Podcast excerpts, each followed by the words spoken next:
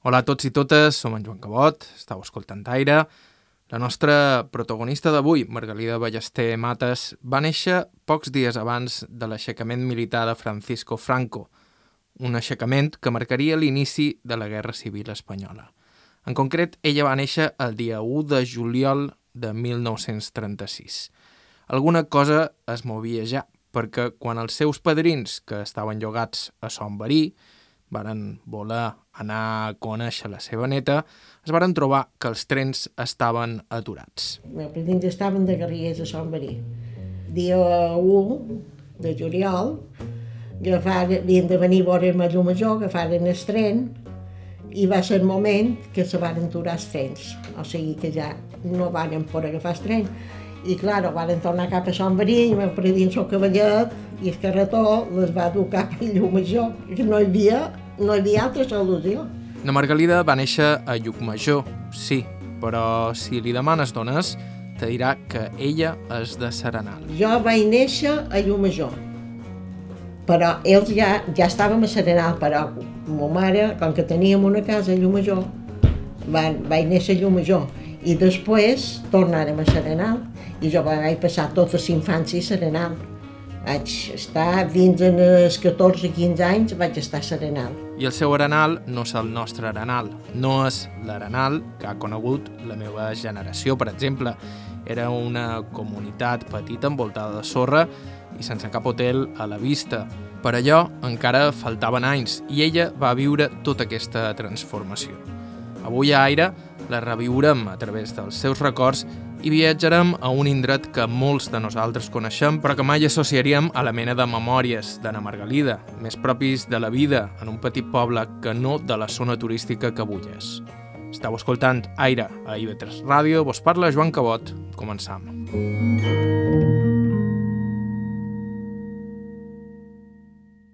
Aquesta és Margalida Ballester Mates, nascuda el dia 1 de juliol de 1936 a Llucmajor, tot i que els seus pares vivien a Serenal. Bueno, ma mare no era de Llumajor, ma mare era de Pòrtol, mon pare de Llumajor. Ma mare va estar, m'apareix, a una casa que guardava uns, uns senyors que guardava un nen, com a teta diríem, i, i se van conèixer perquè estava, ma mare va anar a ca aquests senyors a, a Llumajor i, i va i va conèixer mon pare, o mon pare la va conèixer ella. I tindrien tres fills, amb els quals na Margalida es duia... En som major 22 mesos i en so petit 7 anys.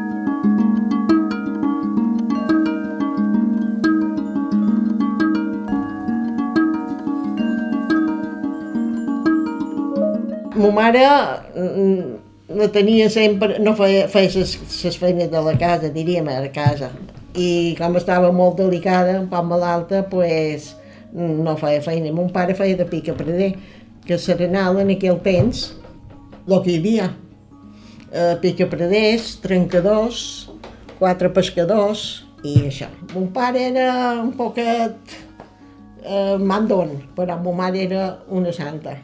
Ma mare era molt bon, res, tot, tot, tot li anava bé, a ma mare. Sí. Ma mare, eh, teníem com a, diríem, de la va arribar a ser, com un col de miserere que deien en aquell temps.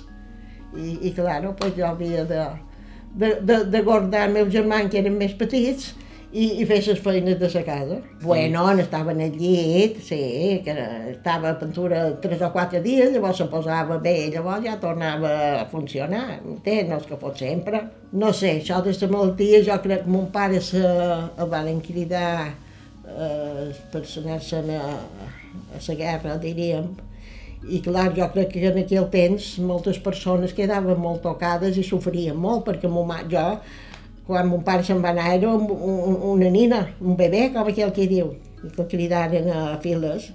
I el darrer dia de combat el varen ferir a la batalla de l'Ebre. I, I, clar, jo crec que això ma mare també ho duia un poc a, a, a, de dins, dit jo, no ho sé. El retorn va venir descat d'haver de, 10 o 8, d'haver 8 mesos, me pareix que era, que va venir de... Vaja, perquè va estar a l'hospital de Salamanca, està a l'hospital de Salamanca perquè d'un hospital a el duien d'un hospital a l'altre, perquè li volien a la cama, i ell no volia. i va trobar un metge a Salamanca i li van salvar la cama, va quedar una mica coixa, però bueno, sí. Coix, però no impedit. Son pare era tot un nirvi, una d'aquelles persones que no sabien estar quietes i que sempre trobaven maneres de tirar la família endavant. No li va faltar mai la feina en aquell temps. Era un home que estava sempre inquiet, perquè en aquell temps teníem que no podíem fer algun que i anava, que t'he de dir jo, mon pare, quan acabava la feina de pica preder, se n'anava a un hort eh, a cercar un, un sac de patates, a un altre una taronja, un sac de taronges. Era un home que tenia molta activitat i, i sempre va mirar perquè no mos faltàs a damunt la taula un plat de, de menjar, que sempre hi és un plat per, per penjar. I, hombre, eh, els plats, el menjar que se feia en aquell temps no és com el que se fa avui. Eh, ciurons, mongetes, al vespre patates bullides, si hi havia un pot de bacallà, bacallà, en, en la patata bullida, eh, monge, eh, patates amb bullides amb mongetes, o sigui, tot era molt diferent d'ara. I ell sempre tenia moviment perquè quan, quan llavors acabava la feina, de vegades també, se n'anava, eh, eh, eh, teníem que, un porc, ell feia com a serenal, teníem un corral, i, i teníem una, una soll, el que tenien això, teníem colons, teníem gallines i teníem un porc i mon pare el criava, l'engreixava en el porc.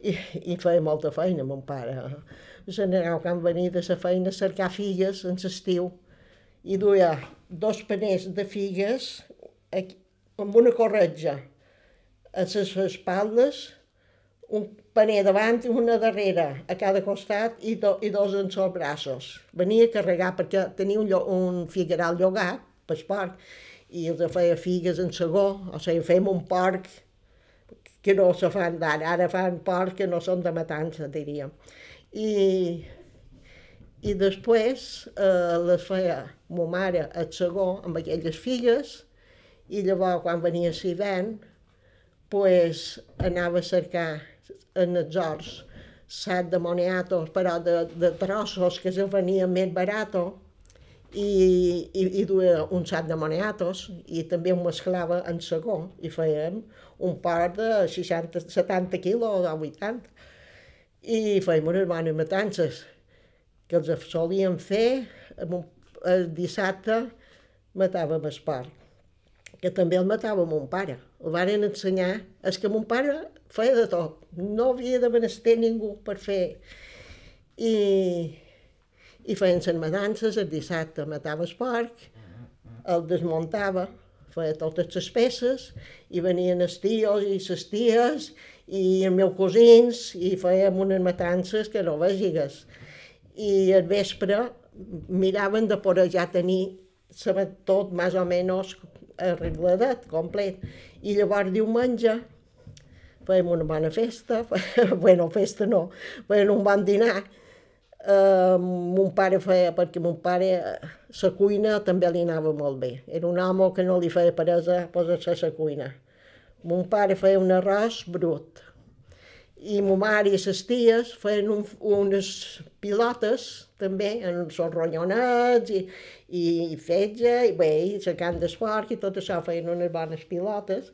I llavors, bueno, fèiem un dinar que devíem ser 12 o 13, i cantaven i tocaven les castanyetes i ens ho passaven superbé. I, i mon pare, que era, és que era un home, perquè no sé com va ser, que aquesta setmana nosaltres érem a Llumajor i era cap de setmana i mon pare havia de pujar en la bicicleta perquè no hi havia cada hora l'hora que ell volia tren o, o, o autobuses.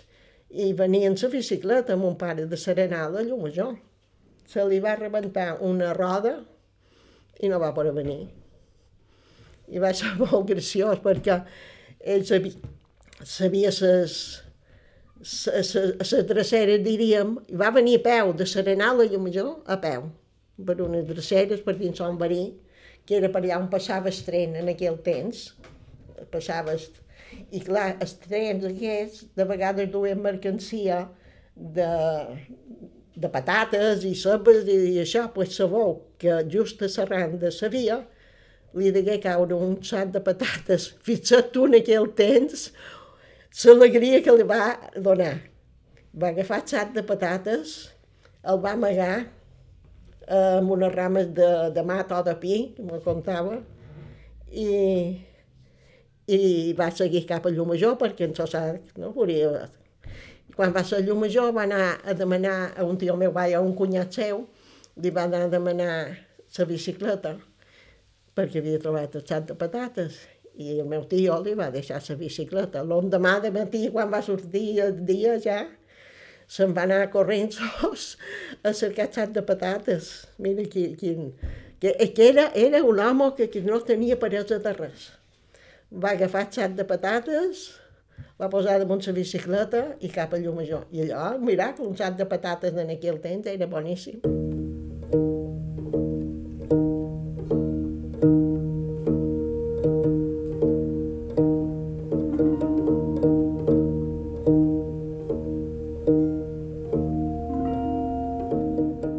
Serenal, llavors, era un llogaret humil, un grapat de carrers envoltats de terrenys plens d'arena que no donaven cap rendiment. Però també era un paradís. Pues Serenal era molt guapo. Era preciosa la platja perquè no hi havia ni cap xiringuito, ni, ni sombrilla, ni res. O sigui, era una platja molt guapa, perquè Serenal se divideix mig Serenal és de Palma i mig és de Llumajor. Dels judeus, cap a Can Pastilla, tot això era una platja molt guapa, perquè no hi havia, ja te dic, res de, de sombrilla ni res, sota veola i en terra. I això arribava quasi a la carretera. I a l'altra part de carretera hi havia com unes dunes amb pins i sabines que arribaven dins de les meravelles, perquè tot això estava sense... era verge, no hi havia res. I, i pues nosaltres de vegades hi tornàvem a jugar dins aquestes dunes i aquests pins i a seure i prendre la fresca en l'estiu, per exemple, i era una, una preciositat, això, dins d'allà. En aquesta zona no hi vivia ningú, perquè aquesta zona és d'on hi ha tots els hotels que han fet ara. I l'altra part de, de Serenal, que era més llum major, hi havia ja com a més poblat, hi havia ja, diríem, hi havia parell de bars, colmados, botigues que dèiem antes nosaltres, botigues, i estava tot molt, molt guapo Serenal, perquè tota la gent més o menys se coneixia. I a Serenal, a la part de Llumajor, que t'he dit, hi havia un bar que li deien a Can Canals, que era un bar que, fe, que, que, que hi havia molts de ciclistes perquè sabeu que els agradava bicicletes i era una concentració de, de bicicletes, bicicletes i de, de gent de, sa, de, de, de, de port. I hi havia un altre bar que li deien les enramades, Can Basté. I allà pues, la gent, sobretot en l'estiu, hi anaven a prendre un refresc, un cafè, i estaven a baix de l'enramada i això hi havia molt, poc, molt poca cosa serenal en aquest any que jo te com, perquè eh, havia aquest bar de Can Canals i de Basté, llavors Can Nofre, que en, aquest en Sivern era un bar més petitet i feien com a tablado flamenco que jo no sé si vaig anar una vegada perquè no m'agradava gens, però mon pare m'hi va dur un dia, perquè ja t'he dit, jo era molt joveneta. I aquí feien aquest, aquest d'això, aquest bar, aquest bar feien aquest tablado, hi havia molt poca cosa.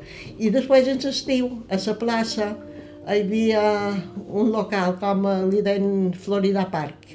I aquí feien balls, en l'estiu, qualque ball i, i també hi duen qualque cantant, però molt poca cosa. En aquests moments que jo te com no hi havia cap turista, perquè eh, els turistes varen començar a venir l'any 50, això jo que te cont de l'any 40. I els turistes ja l'any 50, 55 varen començar a venir els turistes, que llavors això ja va ser una explosió, perquè el primer hotel que feren Acapulco, crec que li deien. I tothom, tots els que estàvem a Serenal, anàvem a veure aquest hotel perquè mos pareixia una cosa grossa, veure aquest hotel a, a Serenal. Perquè a Serenal no hi havia, per morir molt, havia de ser tren, bicicleta o cavallet i carro. Això és el que hi havia a, a, a Serenal. I pues, jo te cont, eh, tot això és antes de, de que venguessin els hotels. Perquè llavors, eh, nosaltres allà també eh, havia, perquè no hi havia ni metge ni farmàcia. Havien d'anar a l'escola, a la farmàcia. I el metge de vegades de, venien de Llumajor, o sigui, havien de menester un metge. I hi havia un colmados, que el deien Campet Martí, no recordo el nom encara, i aquest colmado, pues, que tenia quasi, t'he de dir, de tot. Tenia, eh, diríem, aspirines, un, un, una tirita, un esperit, perquè, clar, no hi havia farmàcia, aquest colmado pues, duia aquestes coses en petita quantitat, que si una ho necessitava, anàvem allà, un rodet de fil, era el colmado, la botiga que deien altres, més gran de, de, de Llumajor, o de, de Serenal. I llavors hi havia Can Restes, que jo me recordo que aquí ma mare m'enviava a cercar la reacció, perquè això era la guerra, després de, de la guerra eh, anàvem a cercar la ració amb una cartilla i un dia ens donaven arròs, l'altre dia oli. I l'escola, hi havia cases monges, que jo anava a cases monges, i els nens només podien anar a cases monges, 20, ah, no sé si eren 5 o 6 anys. En els 5 o 6 anys s'havien d'anar a una escola que hi havia a la plaça que per cert el meu germà ja va anar, dos meus germans van anar a l'escola aquesta, jo no, perquè me vaig quedar a casa monges. I, bueno, a casa monges, el més bàsic, o sigui que eh, allà no hi havia per poder agafar ni, ni uns estudis només el primari, saps? Eh, ni una carrera ni res. Jo que m'agradava molt estudiar, m'hagués agradat agafar una carrera, però també en aquell temps, després de la postguerra, no hi havia tantes possibilitats. I jo m'agradava molt, però amb ma mare, que t'he dit, sempre estava xereca, de vegades ni podia anar a l'escola cada dia, de vegades havia de deixar dies que deixava i tot això. I, claro, havia de baixar a Palma a estudiar i no hi havia tant de, de ja t'he dit, només amb la bicicleta o el tren, no hi havia res més i jo no vaig poder estudiar tot, tot el que jo volia. I allà, ja te dic, quan sortien de l'escola, els jocs que fèiem, eh, no hi havia la mare, que té tots són maquinetes i tots són... No, allà mos ho inventaven tot. Jugàvem a la corda, a botar, a piso, a figurites que te posàvem en la cara per avall i els, en la mà les posàvem així i, i se giraven. Coses d'aquestes, totes fetes nostres, no, no. Jo me recordo que el meu germà de vegades feia, havia aquests rodes de fil que eren de fusta, no com ara, i li agradava molt la mecànica, la mecànica els motors i, i els cotxes, i d'aquestes coses d'un tros de cartó, d'una caixa de cartó i quatre rodes de què feia un, un cotxe. O sigui, tot mos ho inventàvem. Uh, no, no, no no, no, teníem, ara dinam a comprar una jugueta. Això era una cosa que no hi havia res més. Els temps de postguerra eren temps de pocs luxes, però com ha explicat abans la Margalida, ells varen tenir sort i gràcies a l'esforç, sobretot de son pare, mai van passar fam. I nosaltres, pues, quan estàvem a Cerebanal, no, tení, no varen passar mai gana ni res després de postguerra, però clar, no necessitat, jo que t'he de dir, una encimada la veiem per una festa i un pastel també, o, o per a Nadal o si feien un cumpleaños.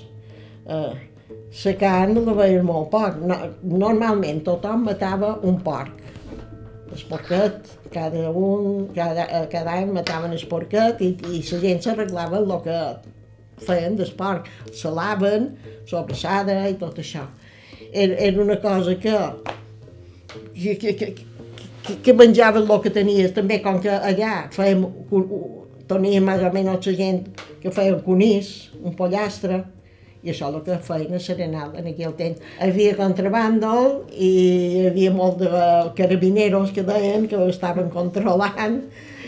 I també el que passa que, clar, després de la guerra, si tu tenies oli i jo tenia arròs, per exemple, que mos fèiem el canvi, m'entens el que te dic? I, i això de, que t'he dit de, de la cartella de racionament eh, eh, era una cosa que ho necessitaves perquè després perquè havia molt poca cosa, hi havia contramando, com diu tu. Ara, llavors, ja quan va anar avançant, ja la cosa ja va. Perquè jo crec que la farmàcia, la primera farmàcia que hi va haver allà, ja devia ser a prop del 60, o, o en el 60, per ahí, me recordo, sí. O sigui que llavors ja va venir el boom d'esturisme i ja se va disparar tot. Normalment les cases eren casetes baixes i tenien una terrasseta i, i, i això el que hi havia serenal. Que, que, que, que, que ara és molt, és molt diferent. Jo ja no el conec, a Serenal. Jo faig a Serenal i no sé per on vaig. I la part de Llumajor estava més poblada, perquè nosaltres, tot d'una, quan jo vaig néixer, estàvem a la part de Llumajor, en el carrer de Torrent, veïnat des, des pont, d'això, del Torrent que hi ha, que, que fa la divisió. Pues nosaltres estàvem en el carrer del Torrent, que estava ben veïnat, a la part de Llumajor. Ah, i, llavors sí, ara me recordo, on anàrem en el carrer Beldín, que era ja la part de Palma. I sí, a la part de Llumajor estava més poblat, perquè sobretot en l'estiu la gent de Llumajor, qui més qui menys tenia la seva caseta, i tothom baixava a, a, allà un mes, això. Claro, la vida eh, quedaven tots sols, era allò que tot quan se n'anaven, que era per agost, a final d'agost, Serenal ja quedava... Serenal quedava buit i llavors era impossible imaginar que allò algun dia serien terres valuoses. De fet, la Margalida m'explica que son pare, un moment donat, va dir que no a un intercanvi de terres amb el que es podria haver fet d'or. Llavors, però, hagués semblat beneit si hagués acceptat. Perquè Serenal resulta que tot era arena. No, no servia per sembrar i mon pare, com era pica prader, una li va, just veïnant del torrent aquest que dèiem, li volia donar tota una manzana i ell no la va voler. No va voler perquè tot era nan i que faig jo en serena. I per això sí, si ho haguessin sabut m'ho haguessin fet milionaris. I alguns sí que s'hi van fer. En uns segons parlam de la transformació de Serenal amb Margalida nascuda allà el 1936. Estau escoltant Aire a IB3 Ràdio. Fem una breu pausa i continuem.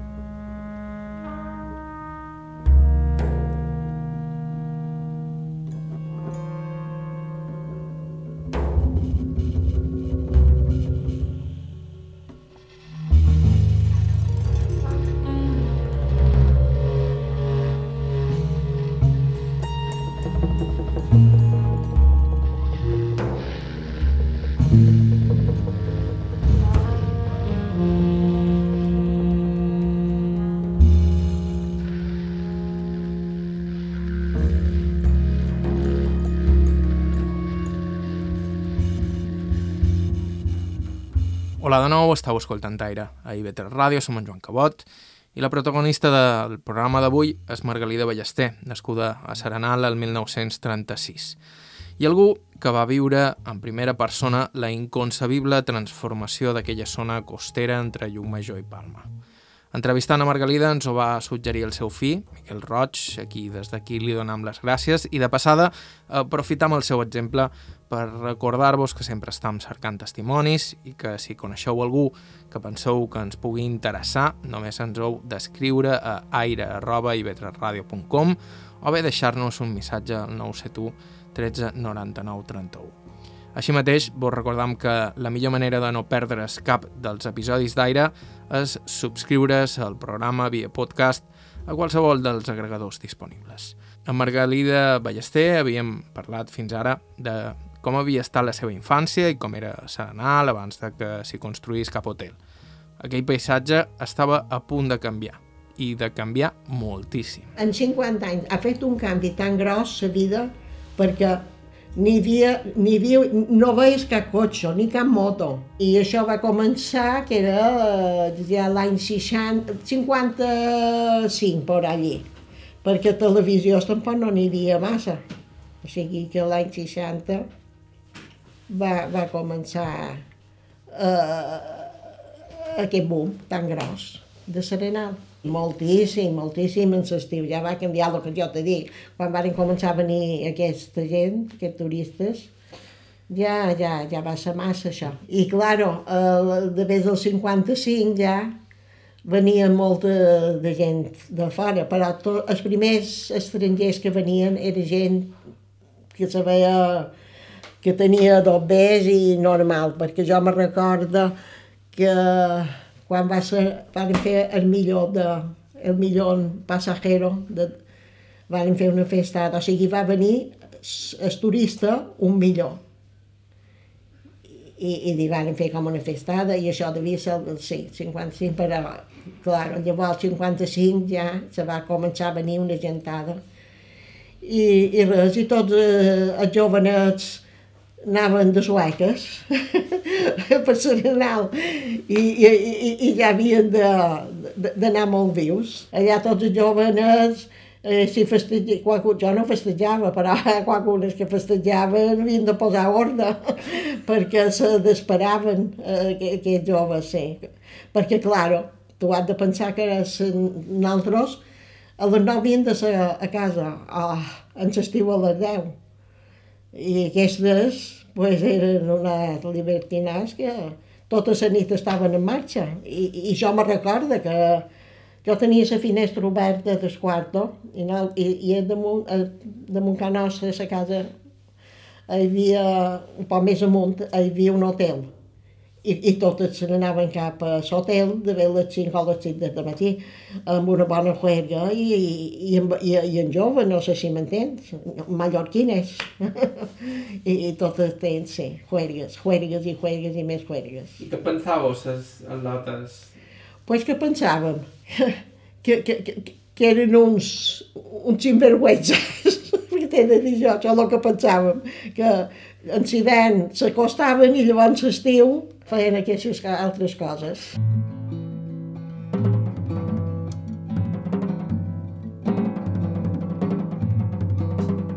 Per posar-me un exemple de com de tranquil era jo abans de que tot girés cap baix colalt, la Margalida em conta que els pescadors i la gent de la zona deixava les barques sense amarrar, damunt l'arena, i m'ho explica amb una anècdota ben curiosa. Potser que nosaltres un, un any molts estàvem banyant i, i me va llamar l'atenció jo que veia molt endins un bulto com a dos, dos capets, però molt endins.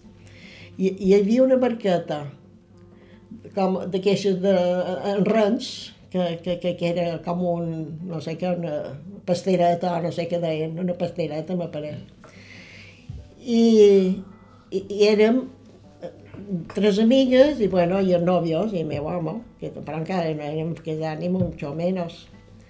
I, i jo, eh, això són una parella que, que, que, que fan de, fan de les seves i jo me llamava l'atenció perquè veia que allò s'anava endins i és que el vent anava, el vent anava de terra i s'enduia allò per endins. I quan varen veure que allò se n'anava molt en fort, els vaig tornar dir als amics, això passa alguna aquí. I varen posar un pot d'atenció, ells, i, i veiem allò que se n'anava prendint. Hi havia aquesta barqueta, mira tu, deixaven les barquetes aquestes a damunt serena en sorrents a de dins. I varen agafar la barqueta aquesta i, i eh, eren tres, el meu i dos més.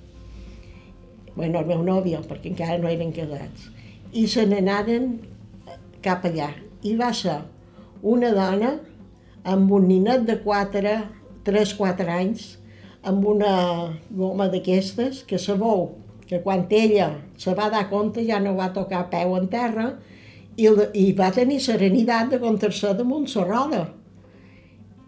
I, se, i, i, i la van agafar i, i res, tremolaven com un poll, tots dos, tant sa mare com el nin. I ho venc a dir, perquè tu t'imagines que deixaven les barquetes a damunt, ara ho he contat això, perquè deixaven les barquetes a damunt l'arena i, i no sabien de qui era aquella barca. O sigui que la van tornar a deixar, que ningú la toca. Però, clar, nosaltres la tocàrem perquè veien que això era una necessitat. I llavors ja torna a quedar damunt l'arena. Ja li deixaràs ara damunt l'arena una barqueta. I, I aquesta dona vos deu la vida? Aquesta dona va ser. Devia estar ben. Va ser graciós perquè, claro, el vent anava un poc de costat i, i Somo estava bastant més en fora de nosaltres. Claro, la s'enduia cap a així de, de costat. I Somo no s'havia enterat. Estava de la playa i no s'havia enterat de que li faltava la dona i el nin. I, jo li vaig deixar un albornoz, perquè en aquell temps duia albornoz. Ara ja no, no, no sé si sap què és un albornoz, i una tabaiola per nin i tot això, i, els, i el, el meu nòvio i vaig els altres dos l'agafaren i, i s'endugueren cap allà on hi havia Somo. I res, i Somo allò de, de donar-li la gràcia i va començar a donar-li una renyada a la dona que no vegigues i res, i, i van venir els tres amantes i, i van dir, mira, les gràcies que mos ha donat aquest home, però clar, se degué posar nerviós i, i el que passa, però, bueno, però ho a dir per, per lo que era un temps serenal. Sí. Deixaves la barqueta i, i la trobaves tal com l'havies deixada, l'endemà i l'any passat. Llavors, na Margalida ja festatjava. Algunes coses que m'explica del que seria el seu home me recorden altres coses que ja m'ha explicat de son pare. El seu futur marit el va conèixer per casualitat. Jo, eh, va ser ell que me va conèixer jo, que ell baixava un dia en el tren i jo me n'anava a Serenal en el tren amb el meu germà. I, i claro, el meu germà, com que ja t'he dit, va, feia de mecànic, i, i, i el meu amo també era torner i ell anava cap a Palma i nosaltres, jo me n'anava amb el meu germà Serenal i ell me va conèixer i, i només van ser xerrar dos minuts i va dir al meu germà, això què és? La teva nòvia. I meu germà diu, no, això és una germana meva. I sabeu que li vaig pegar bé, perquè les coses com són. Diu, és molt guapa. I meu germà diu, sí, claro, i molt dolenta, que li va dir. I, i bueno, el diumenge que va venir davant, ja el vaig tenir damunt la plaça. I nosaltres, amb la meva amiga, sortien del cine, jo anava amb la meva amiga, i la meva amiga tenia, va, un nòvio ja, ella tenia, va, bueno, ja, sí, nòvio, però sí, sí. I quan sortirem, pues, ell me'l va trobar, i resultat que va conèixer el nòvio de la meva amiga. I se posaren a xerrar, i, i caminàvem, i diu, que vos molesta que, que venguin vosaltres a fer una volta. Voltàvem a damunt la plaça, en aquell temps no hi havia res més. I, i bueno, vaig conèixer, va, van voltar i van xerrar un poquet. El diumenge següent i l'altre i l'altre, no va fallava cap diumenge, i jo, aquest, i jo què, què, què fa, per ve Palma, jo que sé què fa per Palma. Però com que ell feia feina a la Taissa, era una fàbrica molt bona, perquè aquesta fàbrica, pues, Després del jornal les donaven, que t'he de dir jo, una... Les donaven com una prima, li deien, si feis això en tal temps, eh, era una prima i els donaven més bombers i era un, una motivació que tenien i guanyava bastant, el meu home molt, perquè quan mos varen casar, que era l'any 60, ja pagaven d'alquiler perquè, com te dic, que anàrem a, va anar a veure aquestes cases de, de, protecció i tot això, no, nosaltres no tenien tant de dobbers per poder uh, comprar un pis, no donaven crèdit en aquell temps. I, i va de trobar, perquè tot ho, ho va manejar ell, jo estava de major, i ell ho feia, va anar a veure cases i tot això, i tot eren alquilers cas, i va trobar un parell que era més barat, que eren 700, ai, anar a dir, 700 pessetes, uh, 800 pessetes i, i va dir, he trobat tres, si vol venir a veure'l, doncs pues vens. I va dir a ma mare, i ma mare va dir, bueno, uh, te'n vas cap a, a Palma, jo tenia una tia que vivia a Palma, una germana de ma mare, i t'acompanyarà, perquè en aquell temps no podíem anar tot sol, vindre en carabina, eh, les al·lotes en aquell temps no podíem anar a veure un pis eh, en son nòvio.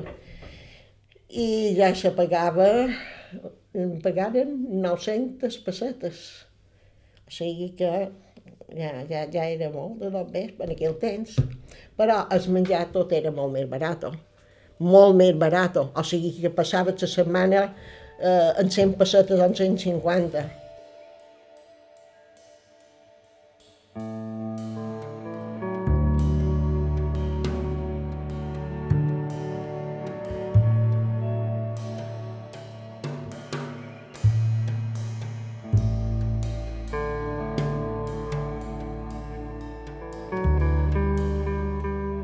Palma es varen instal·lar al barri de Colliure, passat l'escorxador, que llavors encara funcionava. De fet, un poc de carambola, ells s'acabaren posant una carnisseria al barri, que varen mantenir durant 25 anys. Ens casàrem en el 60, en el 61 vaig tenir la meva filla i tot anava superbé, però llavors, eh, en el 60, final de 62, 63, l'empresa va, va tancar perquè el sabó que duien el material de la península, era una empresa de la península, i, i se'n se tornaven el material fet. I sabó que no els devia do, donar rendiment.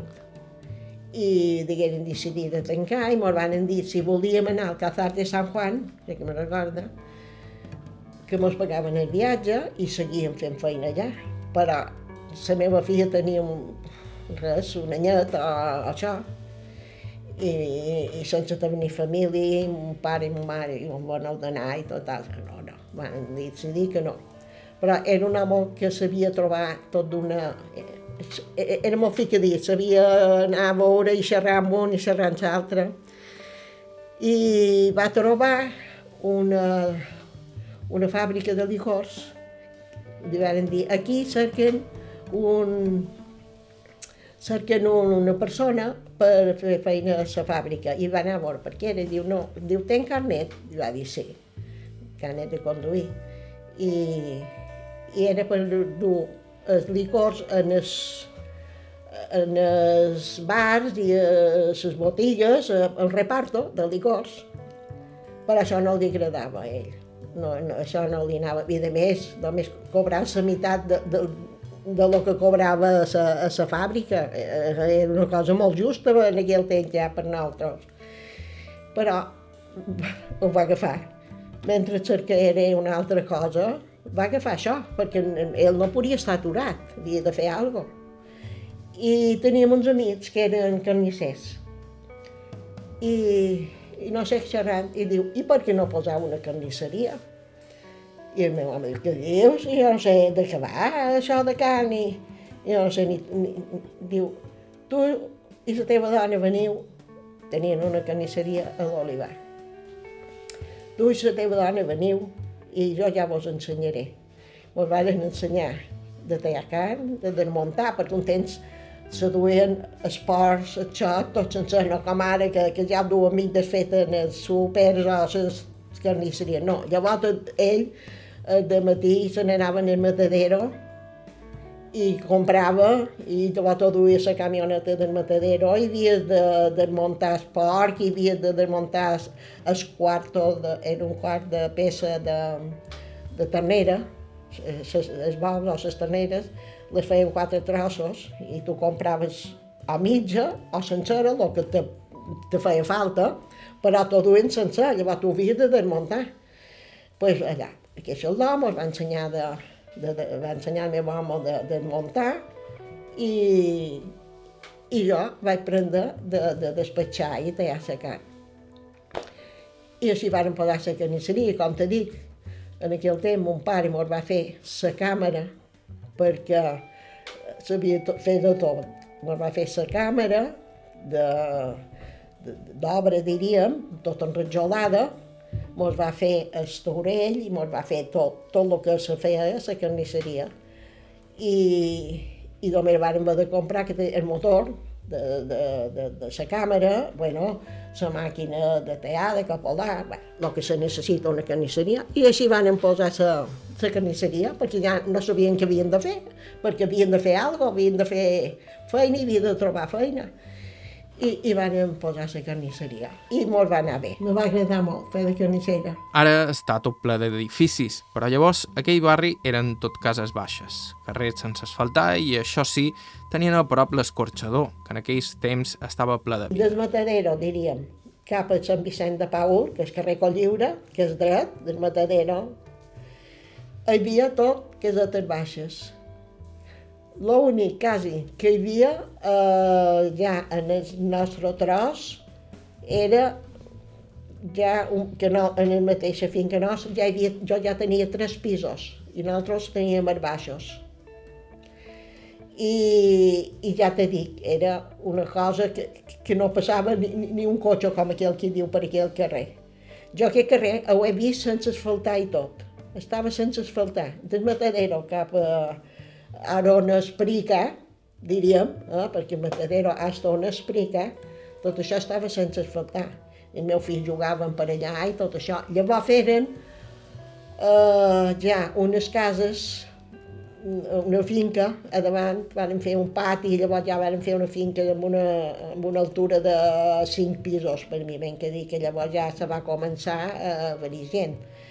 Això te compte en moments que nosaltres posàrem la carnisseria, l'escorxador, anaves a, a, a comprar tots els animals allà i, i, i tot. Mataven bo, mataven porc i tu anaves allà i hi havia els animals i tu deies aquest xot, aquest i aquest i aquest, per jo. I els bous no, perquè nosaltres normalment compràvem mitja ternera, allò de perquè la can que hi ha avui és molt diferent d'antes, mare de Déu. I nosaltres compràvem mitja ternera, jo de comprar una no, per tenir-ho més fresc, com quan eh, trobava, si l'acabàvem més prest o més tard, pues compràvem, cada dia mataven en el matadero, anaves i podies comprar. I nosaltres ho teníem super a prop en el matadero, sí, sí. I, i feia la sang, nosaltres, és que en aquell temps nosaltres també feien, anava el meu amo el moment de, sa, de que mataven els animals i agafava una bandeja de sang, feien la sang, i matàvem el conís a casa nostra, també venien conís, i de vegades feien sobrassada, perquè jo ho feia estil de mon pare, teníem una sobrassada boníssima, només te diré que no les posava la sobrassada. Ja les quatre clientes que ho sabien ja me deien ja no podia penjar les llonganisses ni les sobrassades perquè ja les s'enduien antes. Me'n guardaràs això, me'n guardaràs allò. Sí, és molt diferent, era molt diferent la matança d'ara.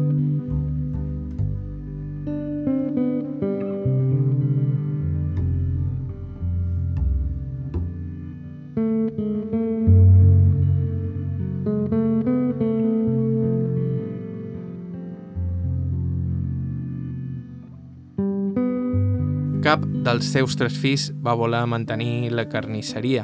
Un d'ells s'hi va heretar de son pare la segona ocupació, professor d'autoescola. La Margalida m'explica que el seu marit va ser una gran persona. La història de la seva malaltia i de com el va perdre me la guard. Ella encara viu a Palma, a un nou barri, i l'acaben de vacunar. Ara ja fa anys que la Margalida no ha tornat per Serenal. Sí, ja no hi vaig anar tant, ja no hi anava tant, perquè ja no m'agradava, ja no m'agradava tanta gent. La, la pelàgia ja hi havia un barulló de gent que jo ja no m'agradava molt i llavors varen, vaig tenir aquests i ja vaig tenir els al·lots i ja mos anàvem més els diumenges jo que sé, a fer una excursioneta per un puesto a l'altre, ja no anaven tant a Serenal, no.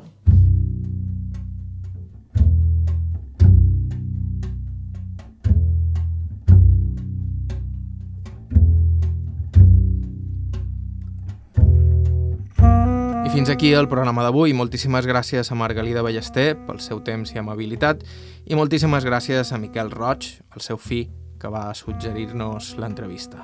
Si voleu fer el mateix, ens podeu enviar un correu a aire arroba o bé deixar-nos un missatge al 971 13 99 31. Vos podeu subscriure al podcast d'Aire a qualsevol dels agregadors disponibles i a ivetres.org barra carta hi trobareu tot l'arxiu del programa. La música que ha sonat avui ha estat de Joshua Abrams, Marisa Anderson amb Jim White, Jacob Bro i Chris Speed Trio. Barbara Ferrer, la producció executiva, us ha parlat Joan Cabot. Gràcies per ser a l'altre costat i fins la setmana que ve. Mm-hmm.